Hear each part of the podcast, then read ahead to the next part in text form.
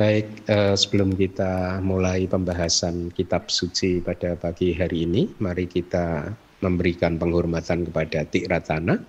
Untuk itu Anda semua bisa mengikuti saya. Saya bersujud di telapak kaki Buddha. Saya bersujud di telapak kaki Buddha. Guru Agung yang mulia. Guru Agung yang mulia saya memuliakan damanya yang sejati. Saya memuliakan damanya yang sejati. Serta menjura kepada Sangga. Serta menjura kepada Sangga. Baik, uh, Wandami para bante dari Biku Sangga.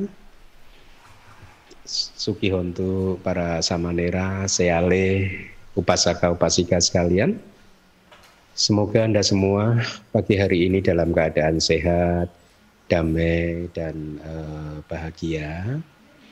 Kita kembali bertemu di kelas Pariyati Sasana di hari Minggu pagi ini, ya.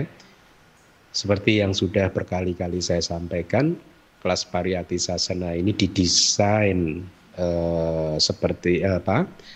Uh, dengan mengutamakan pembelajaran kitab suci ya saya teringat ketika belum menjadi murid Buddha, belum menjadi umat Buddha, gitu ya. Setiap kali memegang kitab suci, membacanya, menghafalnya, dulu pun muncul rasa damai di hati, memunculkan rasa bakti terhadap kebenaran, terhadap kebaikan, terhadap kejujuran, memunculkan juga komitmen untuk menjalani kehidupan ini di jalur spiritual gitu.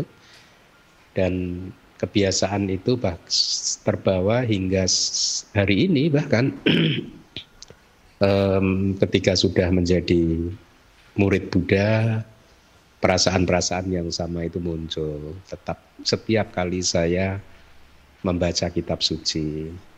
Ya, saya berharap hal yang sama juga bisa terjadi pada Anda ya.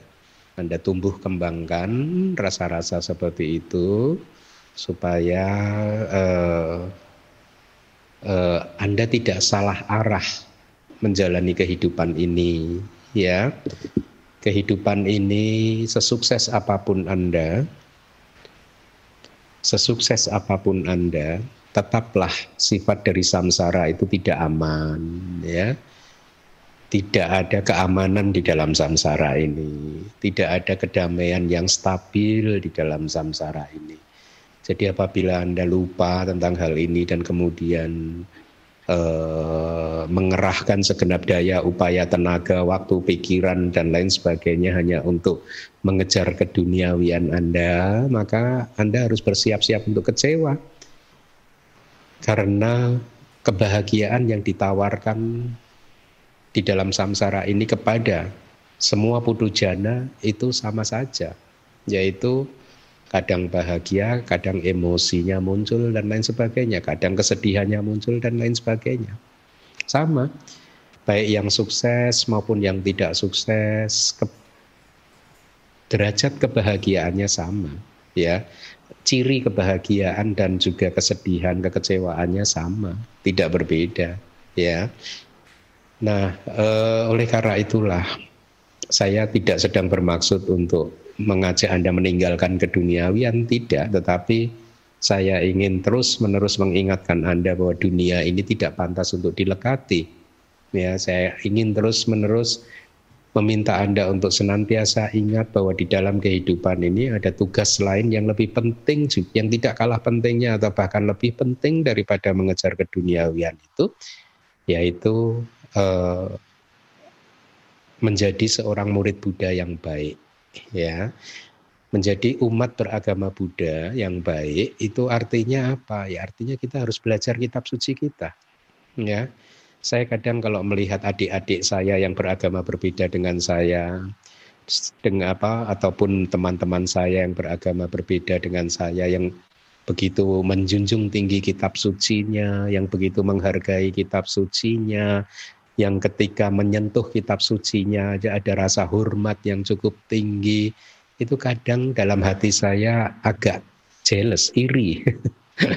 dalam tanda kutip ya irinya dalam artian yang positif lah ya, bukan iri-iri yang negatif begitu. Dalam artian seharusnya kita semua juga mencontoh mereka dalam derajat yang seperti itu, menjunjung tinggi kitab suci, menghargai kitab suci, ya. ya salah satunya ya itu tadi komitmen untuk terus menghormati kitab suci dalam bentuk uh, perwujudannya, manifestasinya dengan uh, apa tekun mempelajarinya. Ya, ingat kehidupan ini bukan kehidupan yang pertama dan terakhir buat Anda semua, kecuali Anda jadi arahat, ya.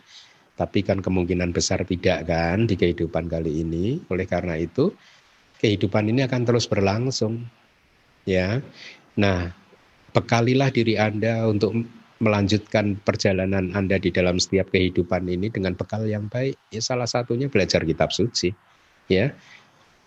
Oleh karena itu, pagi hari ini kembali lagi kita akan mempelajari kitab suci kita.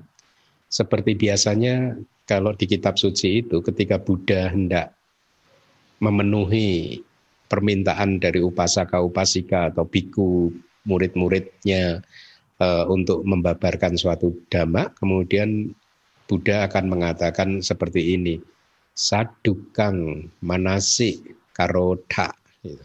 Sadukang manasi karota. Artinya eh, kalian eh, perhatikanlah baik-baik. Itu. Aku akan berbicara. Demikian kata-kata Buddha. Gitu ya. Jadi dengan kata yang sama karena kita hendak mempelajari kitab suci maka di setiap pembelajaran kitab suci Anda harus melakukan hal yang sama. Ya, saya akan mengatakan sadukang manasi karoda. Perhatikanlah dengan baik-baik begitu. Nah, suta kali ini sebenarnya adalah file yang lama, ya. Uh, ini mungkin file tiga tahun, empat tahun yang lalu mungkin, tetapi karena satu dan lain hal saya hanya simpan saja uh, belum sempat saya sampaikan kepada Anda semua ya. Uh, suta yang sangat terkenal, Meta Suta atau kadang Anda lebih mengenalnya mungkin Karania Meta Suta gitu.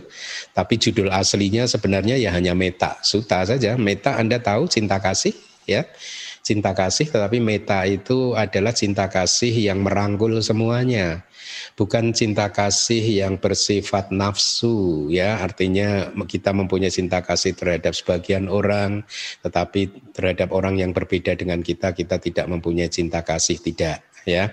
Meta itu adalah uh, cinta kasih yang sifatnya itu uh, lujati uh, seperti seperti apa? Kalau kalau bahasa palinya itu artinya seperti gemuk-gemuk itu tahu nggak Anda? Yang uh, cairan yang lengket itu loh ya. Jadi meta itu sifatnya begitu. Kalau Anda mempunyai meta, maka hati Anda itu lengket dalam artian ya eh, Anda tidak akan memusuhi siapa pun, tidak akan mencerai beraikan pertemanan atau persahabatan ya. Dan dem, eh, demikian pula biasanya eh, salah satu manfaat dari meta kalau kita mempunyai meta terhadap satu orang, maka uh, tanpa uh, uh, dia sadari uh, orang tersebut tidak menyadarinya, akhirnya dia pun juga memunculkan meta kita karena dia merasakan nyaman dengan seseorang yang uh, hatinya penuh dengan uh, meta. Kira-kira begitu.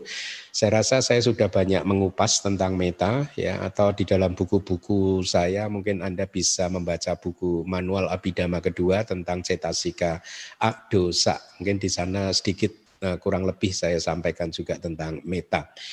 Nah, eh, Meta Suta ini eh, ada di Kudaka Nikaya. Kudaka Nikaya ini adalah nikaya yang terakhir di dalam eh, Panca Nikaya atau Lima Nikaya, ya atau uh, lebih spesifik lagi ada di buku satu buku khusus yang diberi judul oleh para uh, guru kita di masa lalu yaitu bukunya Sutta Nipata begitu ya.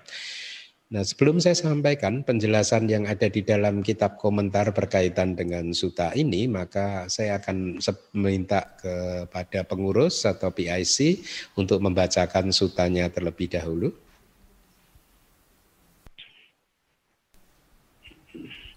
Meta Sutta Ini yang harus dilakukan oleh seseorang yang terampil dalam hal yang baik setelah memahami sepenuhnya keadaan yang damai tersebut. Dia harus mampu menjadi lurus dan sangat lurus, patuh dan lembut tanpa kesombongan. Dia adalah orang yang legawa dan mudah dirawat, mempunyai sedikit tugas dan bergaya hidup sederhana, berindria yang tenang dan bijaksana, sopan, tidak serakah ketika berada di antara keluarga. Sebentar, sebentar. Uh, apa? Uh, minggu lalu ada salah satu penanya, penanya yang uh, saya sampaikan nanti akan saya jawab minggu depan.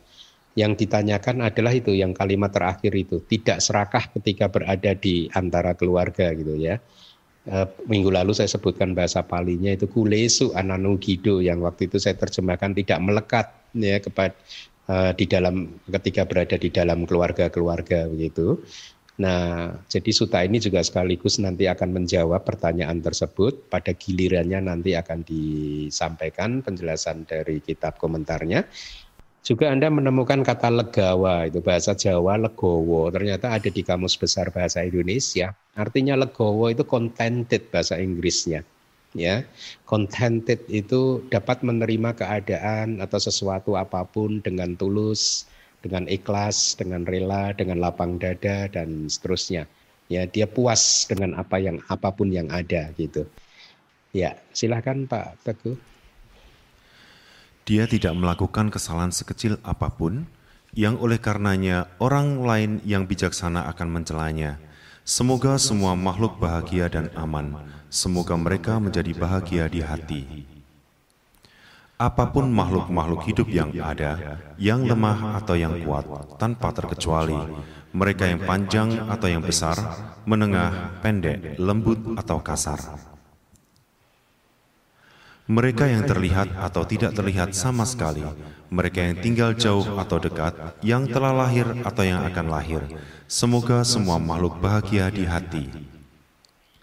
Tidak boleh ada orang yang menipu yang lain, tidak meremehkan siapa pun, di mana pun, dikarenakan oleh kemarahan dan pikiran antipati, tidak ada yang saling mengharapkan penderitaan.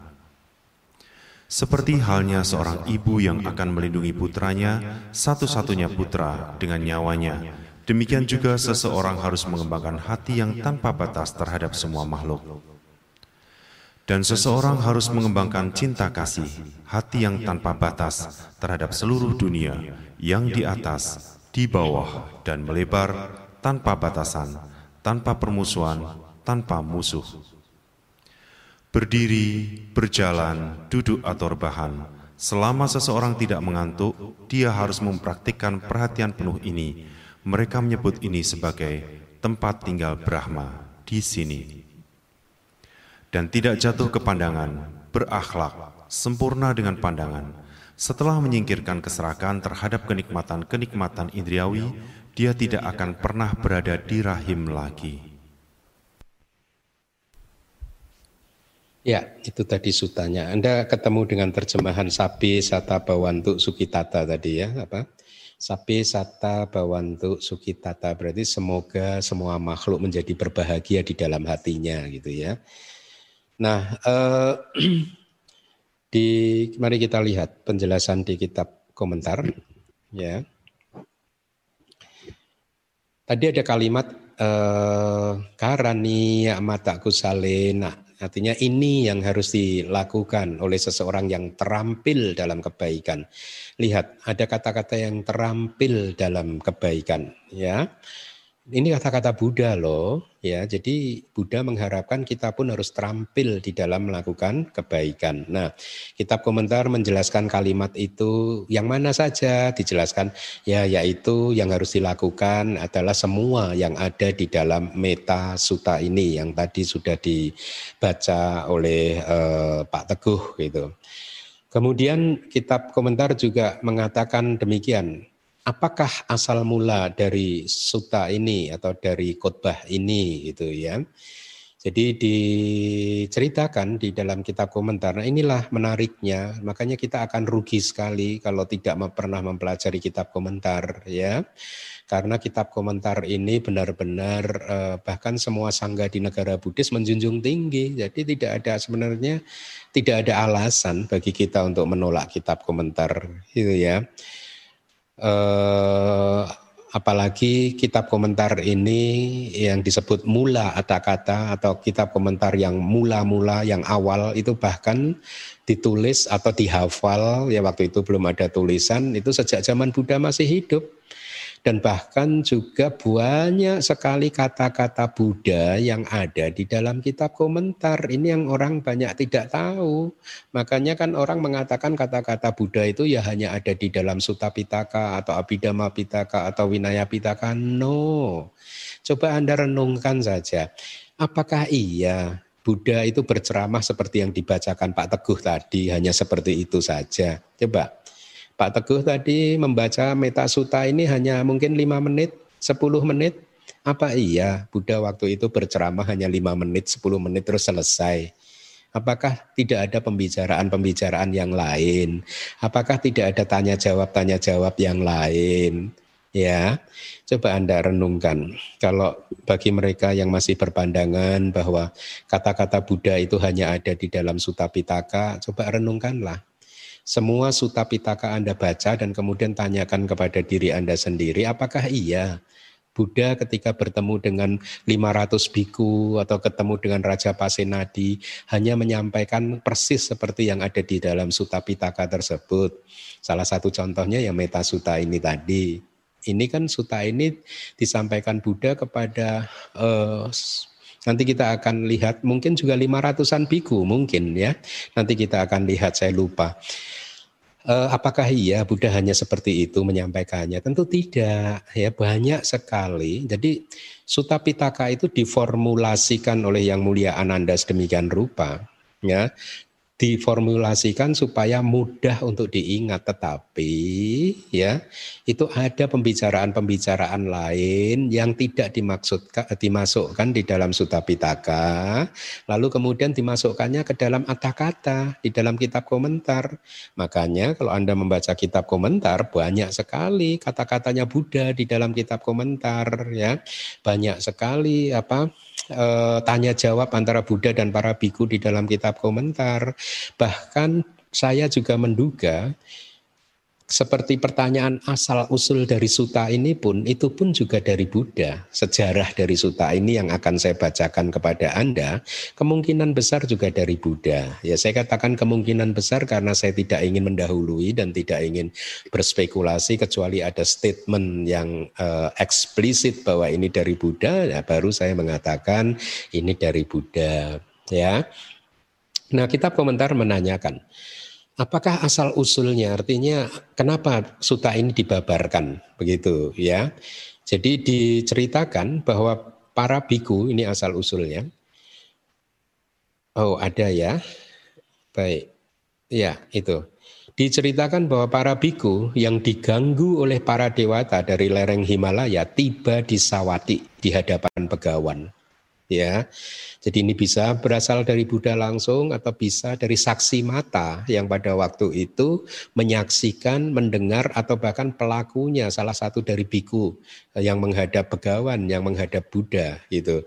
Nah, coba lihat yang menarik adalah bahkan para dewata, para dewa di lereng gunung Himalaya itu juga bisa mengganggu.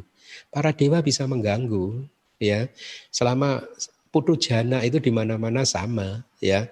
Mau di alam manusia mau di alam dewa mau di alam dewa yang tertinggi tetap saja bisa saja mengganggu. Kita kan sudah belajar tentang marak kan? Marak itu dewa di surga yang tertinggi tetapi sifatnya ya seperti yang sudah kita pelajari di kelas yang sebelumnya begitu ya.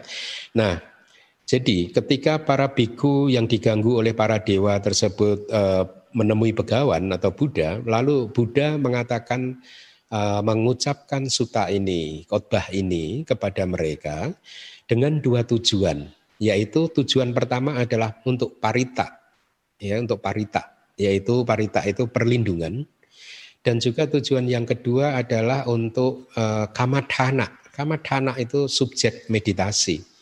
Jadi tidak hanya sebatas saja untuk dibaca saja, tetapi juga ini adalah untuk subjek meditasi. Ya, ini yang kita juga tidak boleh miss poin ini kan. Orang-orang sekarang kan kadang ya ini kalau mau ini baca Parita Meta Sutta itu tidak. Kita harus juga merenungkan uh, makna dari Meta Sutta itu, tapi juga harus memanfaatkannya sebagai subjek meditasi atau sebagai objek meditasi. Itu bahasa yang lebih umumnya gitu. Itulah ringkasannya. Jadi asal usul ringkasnya itu adalah seperti itu. Sedangkan penjelasan detailnya itu adalah seperti ini. Jadi pada satu waktu Buddha itu berada di Sawati. Sawati ini sebuah kota ya di zaman India dulu ya. Mungkin di zaman sekarang juga masih eksis kota tersebut dengan nama yang sedikit berbeda gitu. Jadi pada waktu itu eh, ketika Buddha berada di Sawati, saat itu adalah sedang peri, eh, saat periode untuk retret musim hujan, wasa. Anda tahu kan wasa ya? Kemarin eh, kita mengadakan perayaan dana di bulan Katina gitu itu sebagai tanda bahwa wasa masa wasa telah berakhir ya biku itu secara uh, apa rutin setiap tahunnya harus masuk ke retret musim hujan gitu ya. Jadi Buddha ketika itu ada di Sawati ketika uh, masuk musim uh, atau retret musim hujan.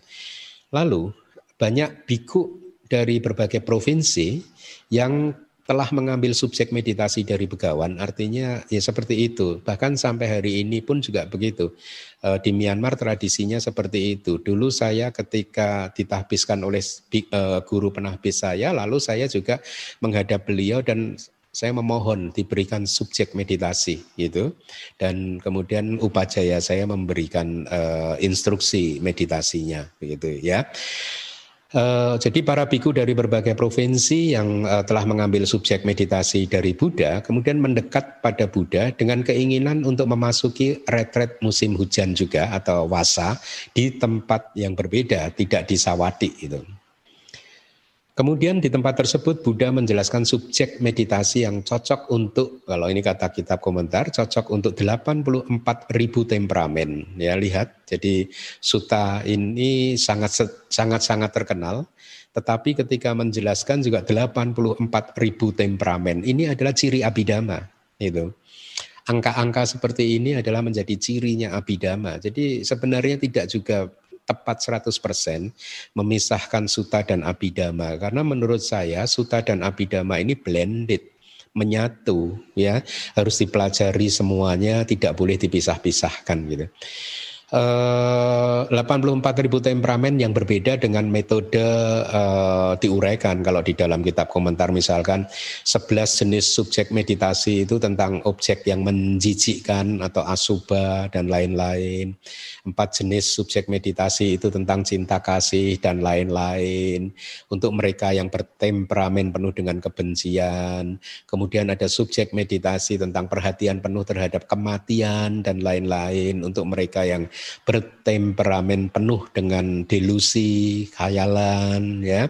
Kemudian subjek meditasi tentang perhatian penuh terhadap nafas masuk dan nafas keluar, anapanasati, kemudian kasina tanah dan lain-lain untuk mereka yang bertemperamen pikiran yang melompat-lompat atau diskursif gitu ya atau subjek meditasi perenungan tentang kualitas-kualitas Buddha dan lain-lain untuk mereka yang bertemperamen memiliki keyakinan yang kuat atau penentuan empat elemen untuk mereka yang bertemperamen intelektual dan lain sebagainya gitu.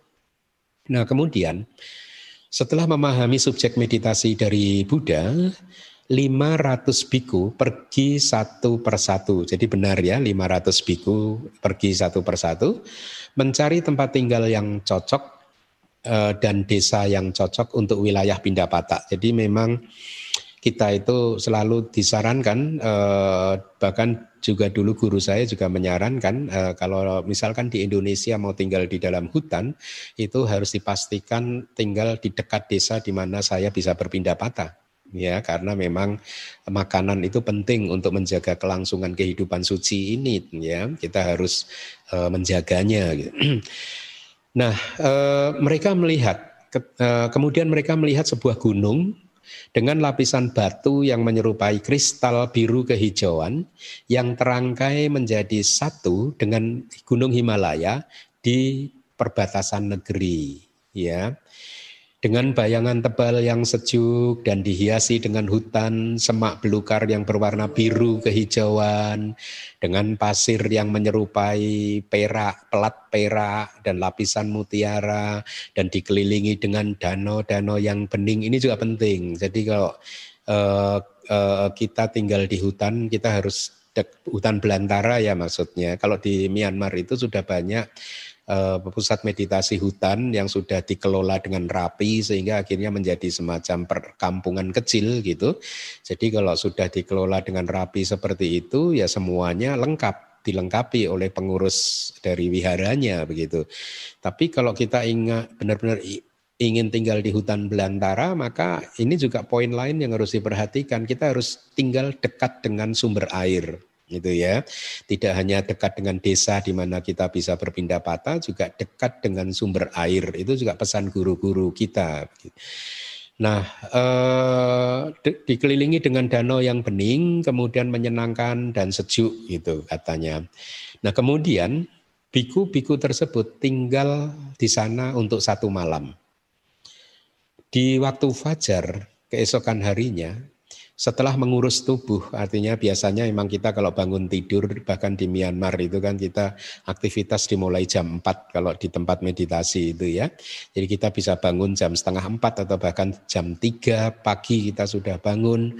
Eh, padahal jam tidur, jam meditasi resmi selesai itu yang diizinkan untuk selesai meditasi itu jam 10. Jadi kalau kita bangun jam 5 ya rata-rata emang sehari kita hanya tidur 5 jam saja dan itu kebawa sampai uh, bahkan ketika di Indonesia juga saya sering tidur hanya lima jam lima jam begitu itu. Ya. Nah jadi biasanya setelah bangun kita akan mengurus tubuh kita baik itu ke kamar mandi membersihkan wajah dan lain sebagainya. Itu yang dimaksud. Jadi setelah mengurus tubuh para biku tersebut memasuki desa tertentu tadi yang tidak jauh itu tadi untuk berpindah patah itu Desa tersebut didiami oleh seribu keluarga, ya. Jadi Anda sambil membayangkan gitu. Itu yang dulu sering saya lakukan kalau membaca kitab suci itu saya istilahnya imajinasi saya lari ke seolah-olah di zaman-zaman tersebut begitu, ya. Jadi desa tersebut didiami oleh seribu keluarga, padat dengan rumah-rumah dan orang-orang, eh, padat dengan rumah dan penduduknya di sini itu taat serta penuh keyakinan terhadap dhamma. Itu seperti di desa-desa di Myanmar. Jadi eh, di Myanmar itu eh, saya sangat terkesan dengan ketaatan upasaka dan upasika Myanmar terhadap dhamma, bagaimana mereka juga menghormati biku dan lain sebagainya. Saya pernah cerita kan, ketika saya turun gunung istilahnya eh, dari dari tempat meditasi saya di sebuah hutan yang agak naik ke bukit, Kemudian waktu itu uh, ya karena saya ingin mendapatkan kabar apakah saya diterima di ITBMU atau tidak. Lalu saya harus ke pergi berjalan ke kota, ke desa terdekat di mana di sana ada semacam wartel begitu ya atau atau internet saya agak lupa begitu untuk untuk sekedar untuk bertanya gitu untuk menanyakan apakah saya diterima atau tidak gitu. Nah, saya harus berjalan tuh dari uh, dari bukit tempat meditasi ke desa terdekat yang cukup jauh itu lebih dari satu jam saya jalan kaki gitu dan itu kan melewati jalan jalur sawah dan lain sebagainya sebelum masuk ke desa terdekat ya. Nah ketika eh, saya masuk di jalur sawah itu ya, saya melihat para petani di, di, sedang mengurus sawahnya. Apa yang mereka lakukan? Ketika mereka melihat seorang biku, yaitu saya sedang berjalan, mereka segera dari kejauhan, mereka segera menghentikan pekerjaannya, lalu buru-buru mereka menunggu saya di pinggir jalan yang berdebu, berbatu, berdebu, tidak beraspal. Apa yang mereka lakukan? Ketika saya dekat, langsung mereka bernama Skara. Ya, saya waktu itu sangat terharu dan memunculkan komitmen saya harus bisa menjadi seorang biku yang baik supaya orang-orang yang melakukan hal-hal seperti ini itu kebajikannya bisa berbuah yang besar gitu. Di komitmen itu muncul pada hari itu begitu ya. Nah, saya ulangi, eh, saya lanjutkan lagi. Oleh karena sulitnya mendapatkan pemandangan tentang biku, maka ketika para penduduk melihat para biku yang datang tadi, mereka menjadi gembira dan penuh sukacita. Gitu. Setelah menghidangkan makanan kepada para biku, mereka memohon, Bante tinggal saja di sini selama tiga bulan, wahai Bante. Gitu. Kemudian mereka membuat 500 gubuk meditasi dan menyediakan semua sarana di sana seperti tempat tidur, perabot, gentong untuk air, minum dan lain-lain. Murah hati ya. Ya, eh, saya rasa sedikit banyak di Myanmar juga cirinya juga seperti itu. Umat Myanmar itu sangat murah hati gitu. Di hari yang kedua, para biku memasuki desa yang lain untuk berpindah patah. Di sana pun orang-orang juga melayani dengan cara yang sama dan meminta untuk tinggal selama retret musim hujan. Dengan mempertimbangkan tidak adanya bahaya di sana, nah itu juga salah satu pertimbangan kalau kita tinggal di hutan harus bertimbang bahaya atau tidak ini kalau kita tinggal di sana gitu. Ya itu yang selalu kita juga lakukan gitu. Ya, termasuk saya tinggal misalkan di Megamendung, saya juga mengobservasi itu itu bahaya nggak tinggal di sini dan lain sebagainya begitu ya ketika saya putuskan ini tidak bahaya ya maka saya akan tempati akan tinggal dan saya tinggal di sini 8 bulan kan sendirian kan ya boleh dikatakan sendirian gitu ya karena udah dipertimbangkan tidak ada bahaya baik dari makhluk yang kelihatan maupun dari makhluk yang tidak kelihatan begitu Nah, akhirnya ketika para biku mempertimbangkan tidak adanya bahaya tersebut, para biku menyetujui dan memasuki hutan belantara tersebut. Mereka berjuang sungguh-sungguh di sepanjang siang dan malam. Jadi ketika kentongan malam dipukul, mereka pergi dan duduk di bawah pohon mempraktekkan perhatian yang bijaksana terus-menerus. Atau dengan kata lain terus mempraktekkan meditasi. Ada kentongan di Myanmar juga begitu. Kita kalau di wihara itu bahkan dulu di wihara yang tempat saya ditahbiskan itu kentongannya dari kayu yang sangat besar gitu yang untuk ngentongnya itu pakai pakai batang kayu lok begitu ya kayak di Saulin Saulin itu loh yang harus didorong oleh satu atau dua orang begitu gitu ya jadi kentongannya juga dari kayu yang sangat besar gitu. Nah singkat cerita ketika 500 biku itu tadi bermeditasi di hutan tersebut kecemerlangan para biku yang berakhlak atau yang mempunyai sila yang bagus atau memiliki sila begitu melumpuhkan atau mengalahkan kecemerlangan para dewata yang turun dari istananya masing-masing dengan membawa anak-anak dan berjalan ke sana kemari. Ya, jadi lihat seorang biku yang silanya itu baik, itu kecemerlangannya bisa saja mengalahkan kecemerlangan para dewata gitu. Situasi seperti itu sama seperti halnya ketika, jadi diberi perumpamaan, ketika para raja atau para menteri utama raja masuk ke sebuah desa, ya, dan kemudian berada di ruangan terbuka, maka dia akan menjadi pusat perhatian. Dia akan mengalahkan kecemerlangan semua penduduk desa. Gitu. Orang-orang yang ada di luar rumah akan kemudian keluar dari rumah dan berdiri di tempat lain sambil memandang dari kejauhan sambil berkata di dalam hati kapankah mereka akan pergi? Jadi ada semacam kecemburuan ya. Tidak senang karena kehadiran raja dan kawan-kawan mengganggu mungkin popularitas mereka dan lain sebagainya dan demikian juga para dewata meninggalkan istananya masing-masing dan berjalan ke sana kemari sambil memandang dari kejauhan dan berkata di dalam hati kapankah para yang mulia ini atau para biku ini pergi gitu. Lalu para dewata berpikir demikian. Para biku telah memasuki retret musim hujan yang pertama. Oh, tidak terhindarkan. Berarti mereka pasti akan tinggal selama tiga bulan di sini, gitu. Ya, jadi dewa pun tahu kalau kita mau retret begitu, atau para biku mau retret. Selanjutnya kami harus meninggalkan itu para dewata uh, saling berkata-kata di antara mereka. Kami harus meninggalkan tempat ini, membawa anak-anak dan tidak bisa tinggal di rumah untuk jangka waktu yang lama. Baiklah, kami akan memper kalau demikian uh, lebih baik saya akan mengganggu mereka gitu memperlihat dengan cara memperlihatkan objek-objek yang menakutkan kepada para biku itu dengan tujuan supaya uh, para bikunya ketakutan dan bisa segera pergi dari sana gitu. Jadi lihat para dewa pun juga bisa seperti itu. Saya rasa ini adalah dewa yang hidup di di hutan gitu ya, eh, Buma Sita Dewa. Dewa yang masih terikat pada bumi begitu ya. Atau mungkin juga kalau orang Anda menyebutnya mungkin dewa bumi begitu ya, tapi saya tidak tahu persisnya. Mungkin sama gitu. Artinya adalah bum, dewa yang hidupnya eh, dekat dengan kita, ada di bumi ini begitu. Jadi malam itu ketika waktu untuk melakukan samana dhamma. Jadi para biku itu mempunyai kewajiban melakukan samana dhamma. Samana itu biku, dhamma itu kewajiban. Jadi kewajiban para biku yaitu mengembangkan jalan mulia berunsur delapan. Kemudian para dewata menciptakan wujud-wujud yaka atau rupa-rupa yaka. Yaka itu ya itu eh, semacam asura begitu uh, tetapi uh, dia lebih tinggi dari asura ya mungkin setengah dewa begitu tapi wujudnya menakutkan ya meramkan yang berdiri di depan masing-masing biku dan membuat suara-suara yang menakutkan gitu. Hati para biku deg-degan gitu, ketakutan ketika melihat rupa-rupa yang menakutkan tersebut dan mendengar suara tersebut ya. Dan wajah mereka menjadi terlihat jelek dan pucat pasi.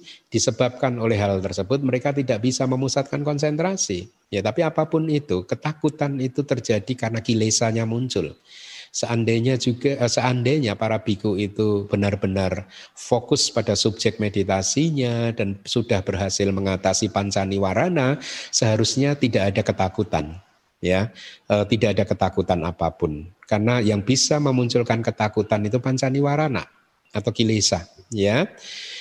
Nah singkat cerita karena mereka tidak bisa bermeditasi dengan tenang batin mereka menjadi tercerai berai. Artinya lari ke sana kemari ya e, tidak tenang begitu. Dan berkali-kali bergolak karena ketakutan. Mereka akhirnya lupa dengan perhatian penuhnya atau satinya atau mindfulnessnya. Lalu para dewata menggunakan bau busuk demi menghilangkan perhatian penuh atau sati mereka.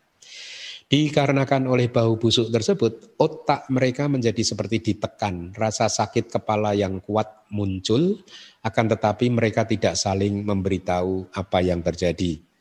Kemudian pada suatu hari ketika mereka semua berkumpul di saat pelayanan kepada sangga yang paling senior, jadi biasanya secara periodik uposata, hari uposata, para biku junior akan menemui biku senior untuk melakukan servis, pelayanan, dan lain sebagainya.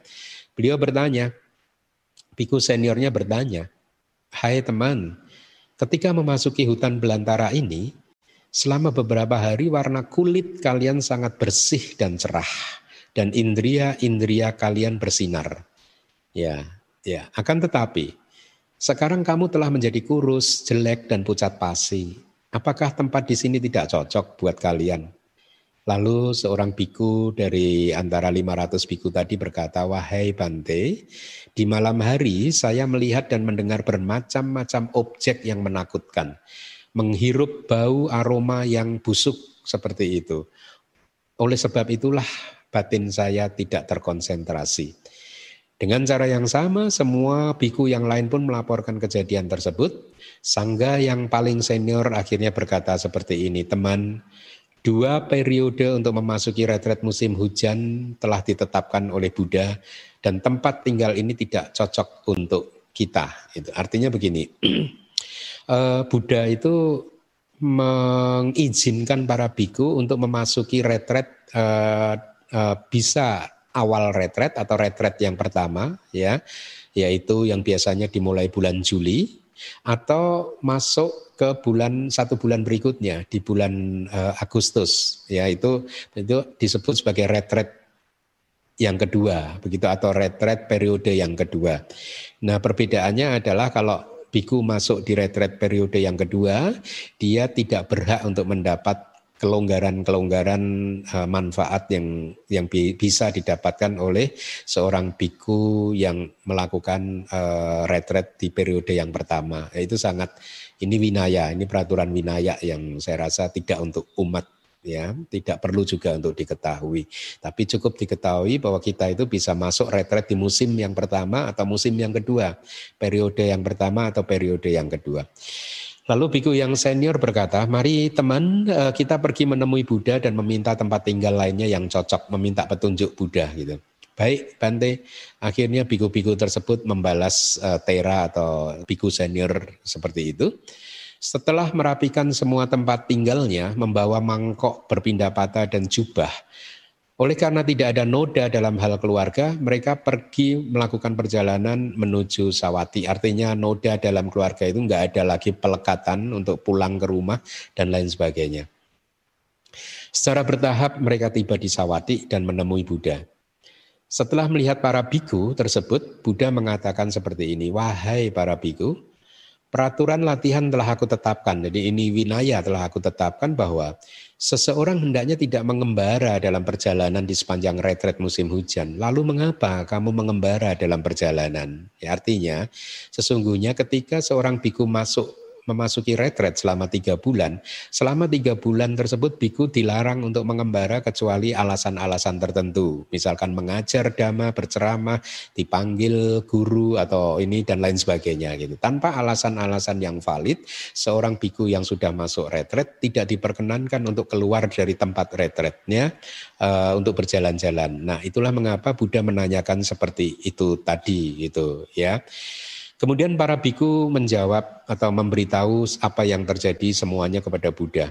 Ketika kemudian Buddha setelah mendengarkan jawaban mereka, Buddha kemudian mengamati seluruh pulau di Jambu Dipa, di seluruh India dengan kekuatan batinnya. Dan setelah itu Buddha tidak melihat ada tempat tinggal yang cocok untuk mereka. Bahkan satu tempat yang hanya sebesar kursi pun ya dengan empat kaki pun tidak ada yang cocok untuk mereka. Itu kata kitab komentar. Oleh karena itu lalu Buddha mengatakan kepada para biku seperti ini.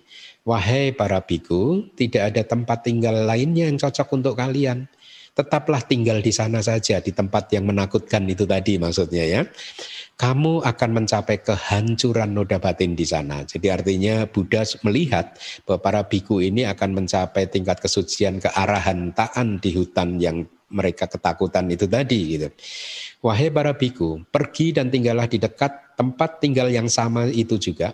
Selanjutnya, apabila kamu menginginkan rasa aman ya dari apa para dewata, pelajari perlindungan uh, atau parita ini itu ya, pelajari parita ini. Oleh karena ini akan menjadi perlindungan kalian dan juga subjek meditasi. Ini yang penting juga. Jadi jangan dipotong satu saja, parita dibaca saja. Tetapi yang kedua yaitu untuk dipakai sebagai objek atau subjek meditasi. Nah, oleh karena itulah kemudian Buddha mengatakan khotbah ini yaitu meta suta ini gitu. Tetapi orang-orang lain atau guru-guru lain berkata seperti ini. Jadi kalau di kitab komentar itu biasanya seperti yang tadi di awal saya sebutkan sekilas tentang sejarah dari kitab komentar yang sudah saya sampaikan tadi. Nah, biasanya di dalam kitab komentar itu ada pendapat-pendapat yang berbeda. Jadi itu tadi adalah satu pendapat, begitu. Kemudian yang akan saya sampaikan ini adalah pendapat yang kedua begitu ya. Ya karena kan memang waktu itu semuanya itu dihafal oleh para para guru kata e, melalui memorinya melalui ingatannya. E, itu yang kadang saya kagum orang e, para arahat di masa lalu itu ingatannya begitu luar biasa. Karena uh, kitab suci kita, kitab komentar kita itu banyak sekali itu, banyak sekali. Bahkan saya sering merasa belum tentu di sisa waktu hidup saya kali ini saya bisa menyelesaikan semuanya. Kadang saya merasa seperti itu. Karena saking banyaknya, banyak sekali gitu. Saya sudah menulis buku Abhidhamma banyak sekali kan, tetapi itu pun masih sedikit, masih banyak yang belum kebuka juga gitu. Walaupun itu inti-intinya sudah ada di sana ya, tetapi tetap saja itu porsinya masih banyak yang belum diterjemahkan gitu. Nah, jadi demikian. Ada versi kedua ya, guru-guru lain berkata setelah Begawan mengatakan hal berikut ini, wahai para biku, pergi dan tinggallah di dekat tempat tinggal yang sama, Beliau kemudian berkata seperti ini, lebih jauh lagi, oleh karena seseorang yang bertempat tinggal di hutan itu harus tahu tentang penjagaan diri. ya. Dan ini benar juga karena ini memang disampaikan oleh Buddha kayaknya di entah di Dika Nikaya atau apa gitu dulu di ITBMU kita belajar. Yaitu kewajiban kita kalau tinggal di hutan dua kali praktek meta yang dilakukan di petang dan di pagi hari, dua kali membaca parita pagi dan malam, dua kali meditasi dengan objek tubuh yang menjijikkan, dua kali meditasi mengingat kematian dan pengamatan terhadap delapan landasan uh, urgency, uh, great urgency, yaitu misalkan kelahiran. Ya, jadi kita harus merenungkan delapan urgensi yang besar, maha sang wega, ya, uh, great urgency, ya yaitu kelahiran kita harus kita renungkan ya bahwa kita ini sekarang sudah mendapatkan kelahiran seperti ini ya. Tetapi meskipun saya sudah terlahir seperti ini saya belum mengatasi usia tua sakit kematian dan penderitaan di empat apaya. Bagi putu jana kan memang belum mengatasi penderitaan di alam empat apaya kan ya atau merenungkan kelahiran, usia tua, sakit dan kematian terus terus menerus direnungkan. Penderitaan di alam tanpa kebahagiaan juga terus direnungkan. Bayangkan kalau kita nanti lahir di neraka terbakar oleh api atau bahkan terlahir di binatang yang kita sering melihat di sekeliling kita, betapa kasihannya mereka untuk mencari makan saja dia itu benar-benar untung-untungan kalau dia menemukan manusia yang baik hati dia bisa mendapatkan makanan, kalau tidak ya tidak, akan sulit gitu. Dan seterusnya dan seterusnya. Jadi juga kita harus merenungkan penderitaan yang berakar pada siklus di masa lalu, artinya penderitaan yang terjadi di kelahiran-kelahiran kita sebelumnya, penderitaan yang juga berakar di siklus di masa depan, artinya kalau di masa kalau kita belum mencapai tingkat kesucian arahat, maka kematian kita akan selalu diikuti oleh kelahiran yang baru. Dan siklus di masa depan ini pun juga menjadi landasan untuk munculnya berbagai jenis penderitaan dan lain sebagainya, penderitaan yang berakar pada pencarian makanan di masa kini jadi meskipun ini semua ajaran itu adalah ditujukan untuk para biku, tetapi saya rasa juga relevan untuk para upasaka upasika sekalian untuk direnungkan ya Termasuk misalkan uh, Buddha selalu meminta kita untuk merenungkan uh, penderitaan ketika kita berpindah patah, itu mencari makanan gitu ya. Kita kadang harus naik turun begitu. Dulu ya ketika saya awal-awal pindah patah karena saya ini tidak terbiasa berjalan kaki tanpa sendal atau sepatu. Nah, waktu itu kalau berpindah patah kan harus lepas sendal, lepas sepatu kan. Nah, yang agak repot itu kalau saya tinggal di di, di, di apa di desa terpencil begitu dan ketika berpindah patah harus menapaki jalan yang tidak beraspal, jalan berbatu begitu, berkerikil dan gitu harus naik naik turun jalannya naik turun. Nah, itu juga satu penderitaan gitu ya. Jadi demikianlah setelah memberitahu tentang uh, hal tersebut pen, uh, parita ini tadi pegawai uh, apa memberitahu tentang apa yang harus dilakukan para biku tadi maksudnya. Kemudian Buddha menyampaikan khotbah meta suta ini kepada para biku tersebut dengan tujuan. Nah, ini ada tujuannya yang sering mungkin dilupakan. Satu, untuk praktek meta. Kedua, untuk perlindungan dan ketiga untuk pencapaian jana yang dipakai sebagai fondasi untuk wipasana. Ini dalam kitab komentar. Ya, jadi tidak semata-mata dibaca saja. Satu, untuk praktek meta itu sendiri, kemudian untuk parita atau perlindungan, arti dari parita itu perlindungan. Dan yang ketiga adalah untuk pencapaian jana yang akan dipakai sebagai landasan atau fondasi untuk wipasana. Ya. Nah, jadi itu adalah sejarah detailnya. Ya, tadi sudah disampaikan sejarah singkat dan juga sejarah uh, detailnya. Mungkin saya perlu menyampaikan uh, begini, uh, apa sejarah tentang kata-kata secara sekilas. Sebenarnya uh, pertama kali saya mendapatkan cerita tentang kata-kata itu dari guru winaya saya, ya. Pada waktu itu saya bertanya tentang sejarah kata-kata dan bagaimana posisi kata-kata di dalam ajaran Buddha begitu. Dan beliau menyampaikan posisi kata ya persis seperti yang berulang-ulang terus saya sampaikan kepada Anda itu gitu ya persis.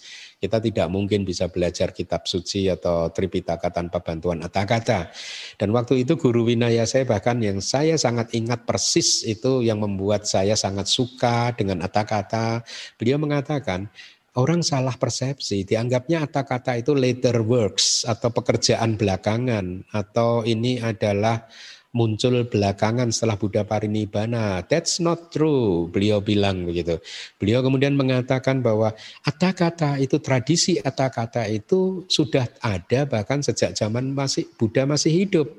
Ya, yang diceritakan persis seperti yang tadi sudah saya ceritakan begitu, ya. Nah, Eh, sebelumnya saya tidak pernah berani mengatakan bahwa mula kata-kata itu ditulis oleh para arahat. Ya, sampai kemudian beberapa waktu yang lalu saya mendengar penjelasan dari Pak Au Seadoji tentang kata-kata. Ya, jadi beliau mengatakan seperti ini kalau saya tidak salah ingat ya. Kalau saya tidak salah mengingat. Jadi di zaman Buddha, eh, seperti yang tadi juga sudah saya sampaikan, ketika Buddha berceramah, itu tidak hanya berceramah seperti itu saja, tetapi ada pakinaka di sana. Pakinaka, pakinaka itu serbaneka itu loh. Buku manual Abhidhamma yang bab ketiga itu kan sebenarnya judulnya pakinaka. Yang saya terjemahkan serbaneka, serba aneka. Nah, saya Doji mengatakan, jadi ketika di zaman Buddha waktu itu ada pakinaka di sana, selain khotbah-khotbah yang sekarang ada di dalam kitab suci itu, di samping itu masih ada lagi percakapan yang serba-serbi itu tadi, ya. Dan tadi kan saya ilustrasikan kan, apakah mungkin ketika Buddha bertemu dengan 500 biku, Buddha hanya mengatakan karani yak mataku salina yantang santang patang api sameca saku uju cak suju cak suaco cak samudu anatima Mani, Santosa Kocak Subarocak dan seterusnya yang terjemahannya tadi dibaca oleh Pak Teguh yang hanya lima menit. Apakah hanya seperti itu? Tidak. Ada serba-serbinya, ada serbanekanya. Nah, serbanekanya ini disebut sebagai pakinaka desana, ya, pembabaran serba-serbi, serba aneka. Nah, pakinaka desana ini kemudian dihafal oleh para murid Buddha, ya, semuanya itu dihafal oleh para murid Buddha. Setiap kali Buddha berkhotbah, yang pakinaka, yang serba-serbinya, yang serbanekanya itu dihafal oleh uh, para murid Buddha dan inilah yang menjadi cikal bakal kitab komentar. Inilah yang menjadi cikal bakal kata-kata ya. Oleh karena itulah karena ini cikal bakal maka kata-kata pada waktu itu disebut sebagai mula kata-kata atau kata-kata yang mula-mula yang menjadi asal mulanya atau cikal bakalnya gitu. Nah, seiring berjalannya waktu uh, mula kata-kata ini akhirnya juga uh, berkembang di Sri Lanka dan juga sampai di Myanmar ya. Nah, uh, seiring berjalannya waktu kemudian juga agama Buddha di India lenyap ya. Ketika lenyap untungnya sudah kokoh di Sri Lanka dan juga di Myanmar gitu ya. Nah, ketika mula kata-kata ini sampai di Sri Lanka, kemudian para arahat di Sri Lanka gitu. Jadi Seadoji bahkan mengatakan mula kata-kata ini semua itu dari arahat. Ya, termasuk mungkin yang eh, maha kata juga kalau saya juga tidak salah. Jadi kalau mula kata itu tadi yang yang cikal bakal, kemudian ada istilah lagi maha kata. Maha kata itu adalah kata yang kemudian berkembang di Sri Lanka. Yang membedakan apa? Yang membedakan adalah di Maha Atakata atau Atakata besar ini, kitab komentar yang besar ini, di sini ditambahkan pendapat pengajaran atau ajaran-ajaran dari para arahat di Sri Lanka ya. Para guru-guru atakata di Sri Lanka ditambahkan di sana. Nah singkat cerita kemudian Seiring berjalannya waktu kemudian ratusan tahun kemudian juga ada seorang bante yang sangat terkenal yang mulia Buddha Gosa ya. Beliau adalah seorang bante dari India Pertengah mungkin gitu ya. Datang ke Sri Lanka. datang ke Sri Lanka eh, beliau bermaksud untuk menulis kembali Maha Atakata tadi yang masih berada ditulis dengan bahasa Sri Lanka dikembalikan ke bahasa Pali ya. Jadi Bante Buddha Gosa ini menulis ulang Maha Kata ke dalam bahasa Pali ya.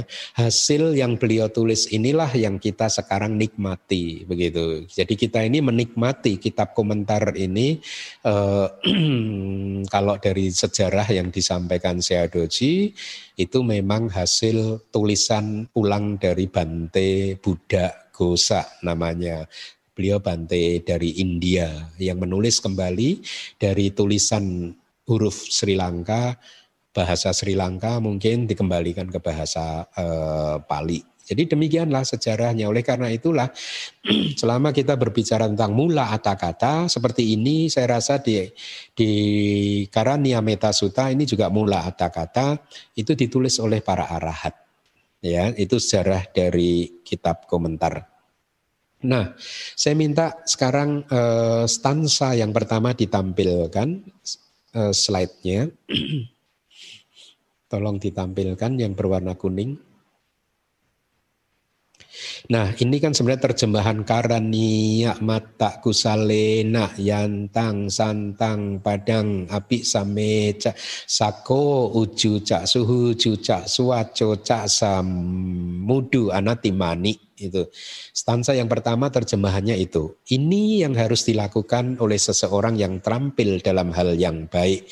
Jadi artinya kita komentar menjelaskan dalam penjelasan kata dalam stansa yang pertama ini yaitu terhadap kalimat yang harus dilakukan oleh seseorang yang terampil dalam apa tadi hal yang baik atau terampil dalam kebaikan yang dimaksud dengan kalimat tersebut adalah sesuatu yang harus dilakukan yaitu adalah tugas dan kewajiban yang harus dikerjakan. Jadi apa yang disampaikan oleh Buddha ini adalah tugas dan kewajiban yang harus dikerjakan. Ya, artinya adalah ini pantas atau layak atau patut untuk dikerjakan atau dilakukan.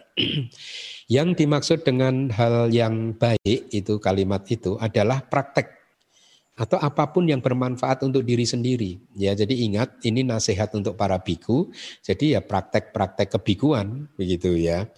Terus eh, ada kusalena ini yang harus dilakukan oleh seseorang yang terampil dalam hal yang baik. Eh, ada kusalena itu ya. itu terampil dalam hal yang baik adalah artinya orang yang terampil dalam hal yang baik yaitu orang yang pandai dalam segala sesuatu yang baik. Jadi meskipun ini dilakukan oleh seorang biku tetapi juga relevan sesungguhnya untuk para upasaka upasika sekalian Poinnya adalah bahwa Anda semua juga harus terampil dalam melakukan segala hal yang baik ya. Kalau melakukan kebajikan gunakanlah kebijaksanaan ya. Apakah kalau saya melakukan kebajikan ini akan merugikan atau membawa kerugian kepada satu pihak dan pihak yang lain ataukah ini akan dan lain sebagainya. Gunakanlah kebijaksanaan dan itulah mengapa pengetahuan pariyati menjadi penting sekali. Kenapa? Karena di dalam pengetahuan pariyati inilah kita mendapatkan semua informasi yang berharga tentang bagaimana seharusnya melakukan hal yang baik. Ya, eh, di kelas yang sebelumnya saya sudah menguraikan kan tentang 10 karma buruk. Ya, dan saya yakin tidak banyak juga atau banyak yang tidak mengetahui juga bahwa karma-karma buruk atau karma juga karma baik itu untuk bisa disebut seseorang melakukan karma buruk itu mempunyai syarat. Kalau dia sudah memenuhi, katakanlah kalau pembunuhan makhluk hidup harus memenuhi lima syarat dan seterusnya dan seterusnya. Ya, Nah inilah mengapa kita harus belajar pariyati supaya tahu itu dan akhirnya supaya kita ini bisa menjadi terampil ketika kita melakukan perbuatan-perbuatan baik. Janganlah Anda berpikir bahwa Anda sudah melakukan perbuatan baik selama Anda tidak pernah ah, tidak melakukannya itu dengan referensi dari kitab suci. Kenapa? Karena perbuatan yang Anda anggap baik itu bisa jadi itu adalah perbuatan buruk. Anda percaya tidak? Ya, saya beri contoh. Saya yakin seluruh manusia di muka bumi ini agamanya apa pun, tidak hanya yang beragama Buddha, yang agama apa pun, setiap hari dia ingin berbuat baik. Ya, dan dia yakin ketika bahkan dia menyakiti makhluk lain pun dia yakin bahwa dia sedang berbuat baik. Ya. ketika dia merugikan makhluk lain pun dia juga ada juga orang yang yakin dia sedang melakukan kebaikan. Ya. Nah, itulah masalahnya. Semua orang ingin berbuat baik, tetapi definisi perbuatan baik itu berbeda-beda. Lalu bagaimana kita seharusnya sebagai murid Buddha untuk bisa melakukan perbuatan baik yang benar-benar baik dan benar? Ya definisinya harus kita ikuti ya kitab suci. Kalau Anda tidak pernah belajar kitab suci, lalu bagaimana Anda tahu bahwa perbuatan baik adalah baik, perbuatan ini adalah buruk, perbuatan itu adalah baik? Enggak akan pernah bisa. Nah itulah mengapa kelas pariyati sasana itu menjadi penting sekali karena akan menyediakan semua informasi-informasi yang berharga untuk kehidupan Anda ya. Nah kembali lagi ke stansa yang pertama. Ini yang harus dilakukan. Kata yang ini kata kitab komentar itu adalah kata penghubung gitu atau ini itu adalah objek yang menunjukkan atau sesuatu yang ditunjukkan yang harus dilakukan atau kata ini yang dua-duanya itu adalah kata yang menjadi subjek itu eh, kitab komentar sangat teknis sekali ya. Atau keadaan eh, kemudian arti dari keadaan yang damai gitu ya. Jadi ini yang harus dilakukan oleh seseorang yang terampil dalam hal yang baik setelah memahami sepenuhnya keadaan yang damai. Arti dari keadaan yang damai, kata damai itu adalah karakteristiknya ya memang damai. Artinya damai itu apa ya bisa menerima keadaan apa lapang dada itu kata kitab kita. Jadi lihatlah kata damai itu ya damai dan cirinya kita bisa menerima keadaan apa pun dengan lapang dada. Ya, tidak hanya keadaan yang baik tetapi keadaan yang tidak baik kita bisa menerima keadaan tersebut dengan lapang dada itu. Sedangkan kata keadaan eh, dari keadaan yang damai itu merupakan sesuatu yang harus dicapai ya.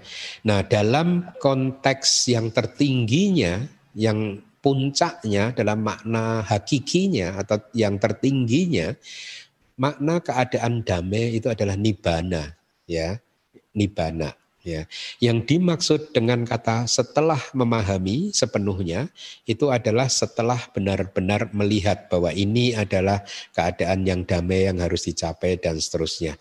Yang dimaksud dengan mampu adalah bisa, maksudnya dia mampu, dia kompeten untuk melakukan hal-hal yang baik gitu.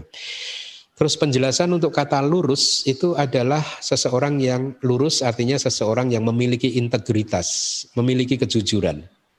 Seseorang yang sangat lurus adalah seseorang yang sangat jujur. E, kalau tidak salah saya belum menemukan karena memang ini file lama saya agak lupa. Kalau tidak salah penjelasan yang membedakan ujuk dan suhuju atau lurus dan sangat lurus itu adalah kalau lurus itu adalah e, kejujuran e, apa ya? Uh, sebentar. Uh, lurus itu adalah ucapan yang baik dan perbuatan yang baik. Itu. Jadi hanya kedua pintu saja. Ucapan yang baik dan perbuatan yang baik. Kalau sangat lurus itu pikirannya yang baik begitu. Kalau saya tidak salah. Tapi di sini saya belum menemukannya. Semoga nanti kita menemukan perbedaan itu ya. Jadi lurus adalah kejujuran, eh, integritas, seseorang yang memiliki integritas atau memiliki kejujuran. Sangat lurus artinya seseorang yang sangat jujur ya. Dia dia harus mampu menjadi ini uh, mana? Ini yang harus dilakukan oleh seseorang yang terampil dalam hal yang baik setelah memahami sepenuhnya keadaan yang damai tersebut, dia harus mampu ya eh, menjadi lurus, sangat lurus, patuh, lembut dan eh, eh, tanpa kesombongan. Ya, dia harus mampu itu dia harus mau menerima nasihat, yes. Artinya setiap nasihat adalah sesuatu yang menyenangkan untuk dia gitu, ya. Kadang ada orang kan ya kalau dinasehati nggak suka kan. Jadi kita harus mengembangkan sifat bahwa setiap nasihat itu adalah sesuatu yang menyenangkan ya buat kita. Lembut itu artinya memiliki kelembutan tanpa kesombongan itu artinya tidak sombong. Jadi arti dari ini yang harus dilakukan oleh seseorang yang terampil dalam hal yang baik setelah memahami keadaan yang damai tersebut itu artinya seperti ini, seperti itu tadi gitu. Jadi di sini ada sesuatu yang harus dilakukan dan ada sesuatu yang tidak harus dilakukan ya. Jadi di stansa pertama kira-kira seperti itu, kita belum masuk lebih dalam lagi, mungkin untuk minggu depan kita akan masuk ke stansa-stansa berikutnya yang eh, eh, apa?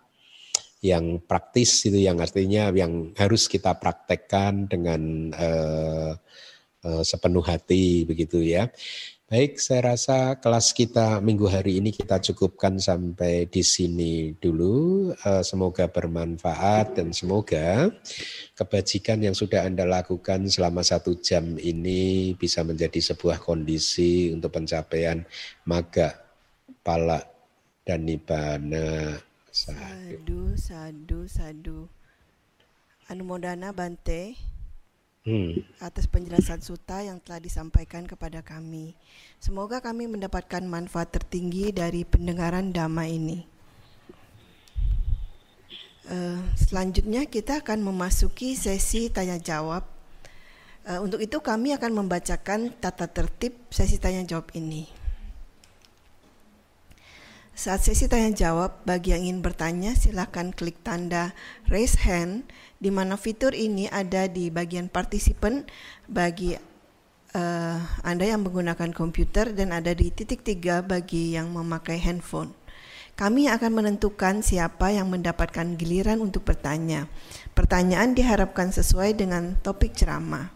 Bagi yang diperbolehkan bertanya akan di-unmute oleh host, jadi kalian namita tidak perlu melakukan apa pun. Bagi yang bertanya, mohon memperkenalkan diri dengan menyebutkan nama dan kota atau negara tempat domisili. Dan dikarenakan adanya keterbatasan waktu, maka harap maklum apabila tidak semua penanya akan mendapatkan giliran dan mohon uh, satu penanya hanya menanyakan satu pertanyaan terlebih dahulu. Ya, supaya bisa memberikan kesempatan kepada semua kalian namita yang ingin bertanya. Oke, uh, silakan yang ingin bertanya.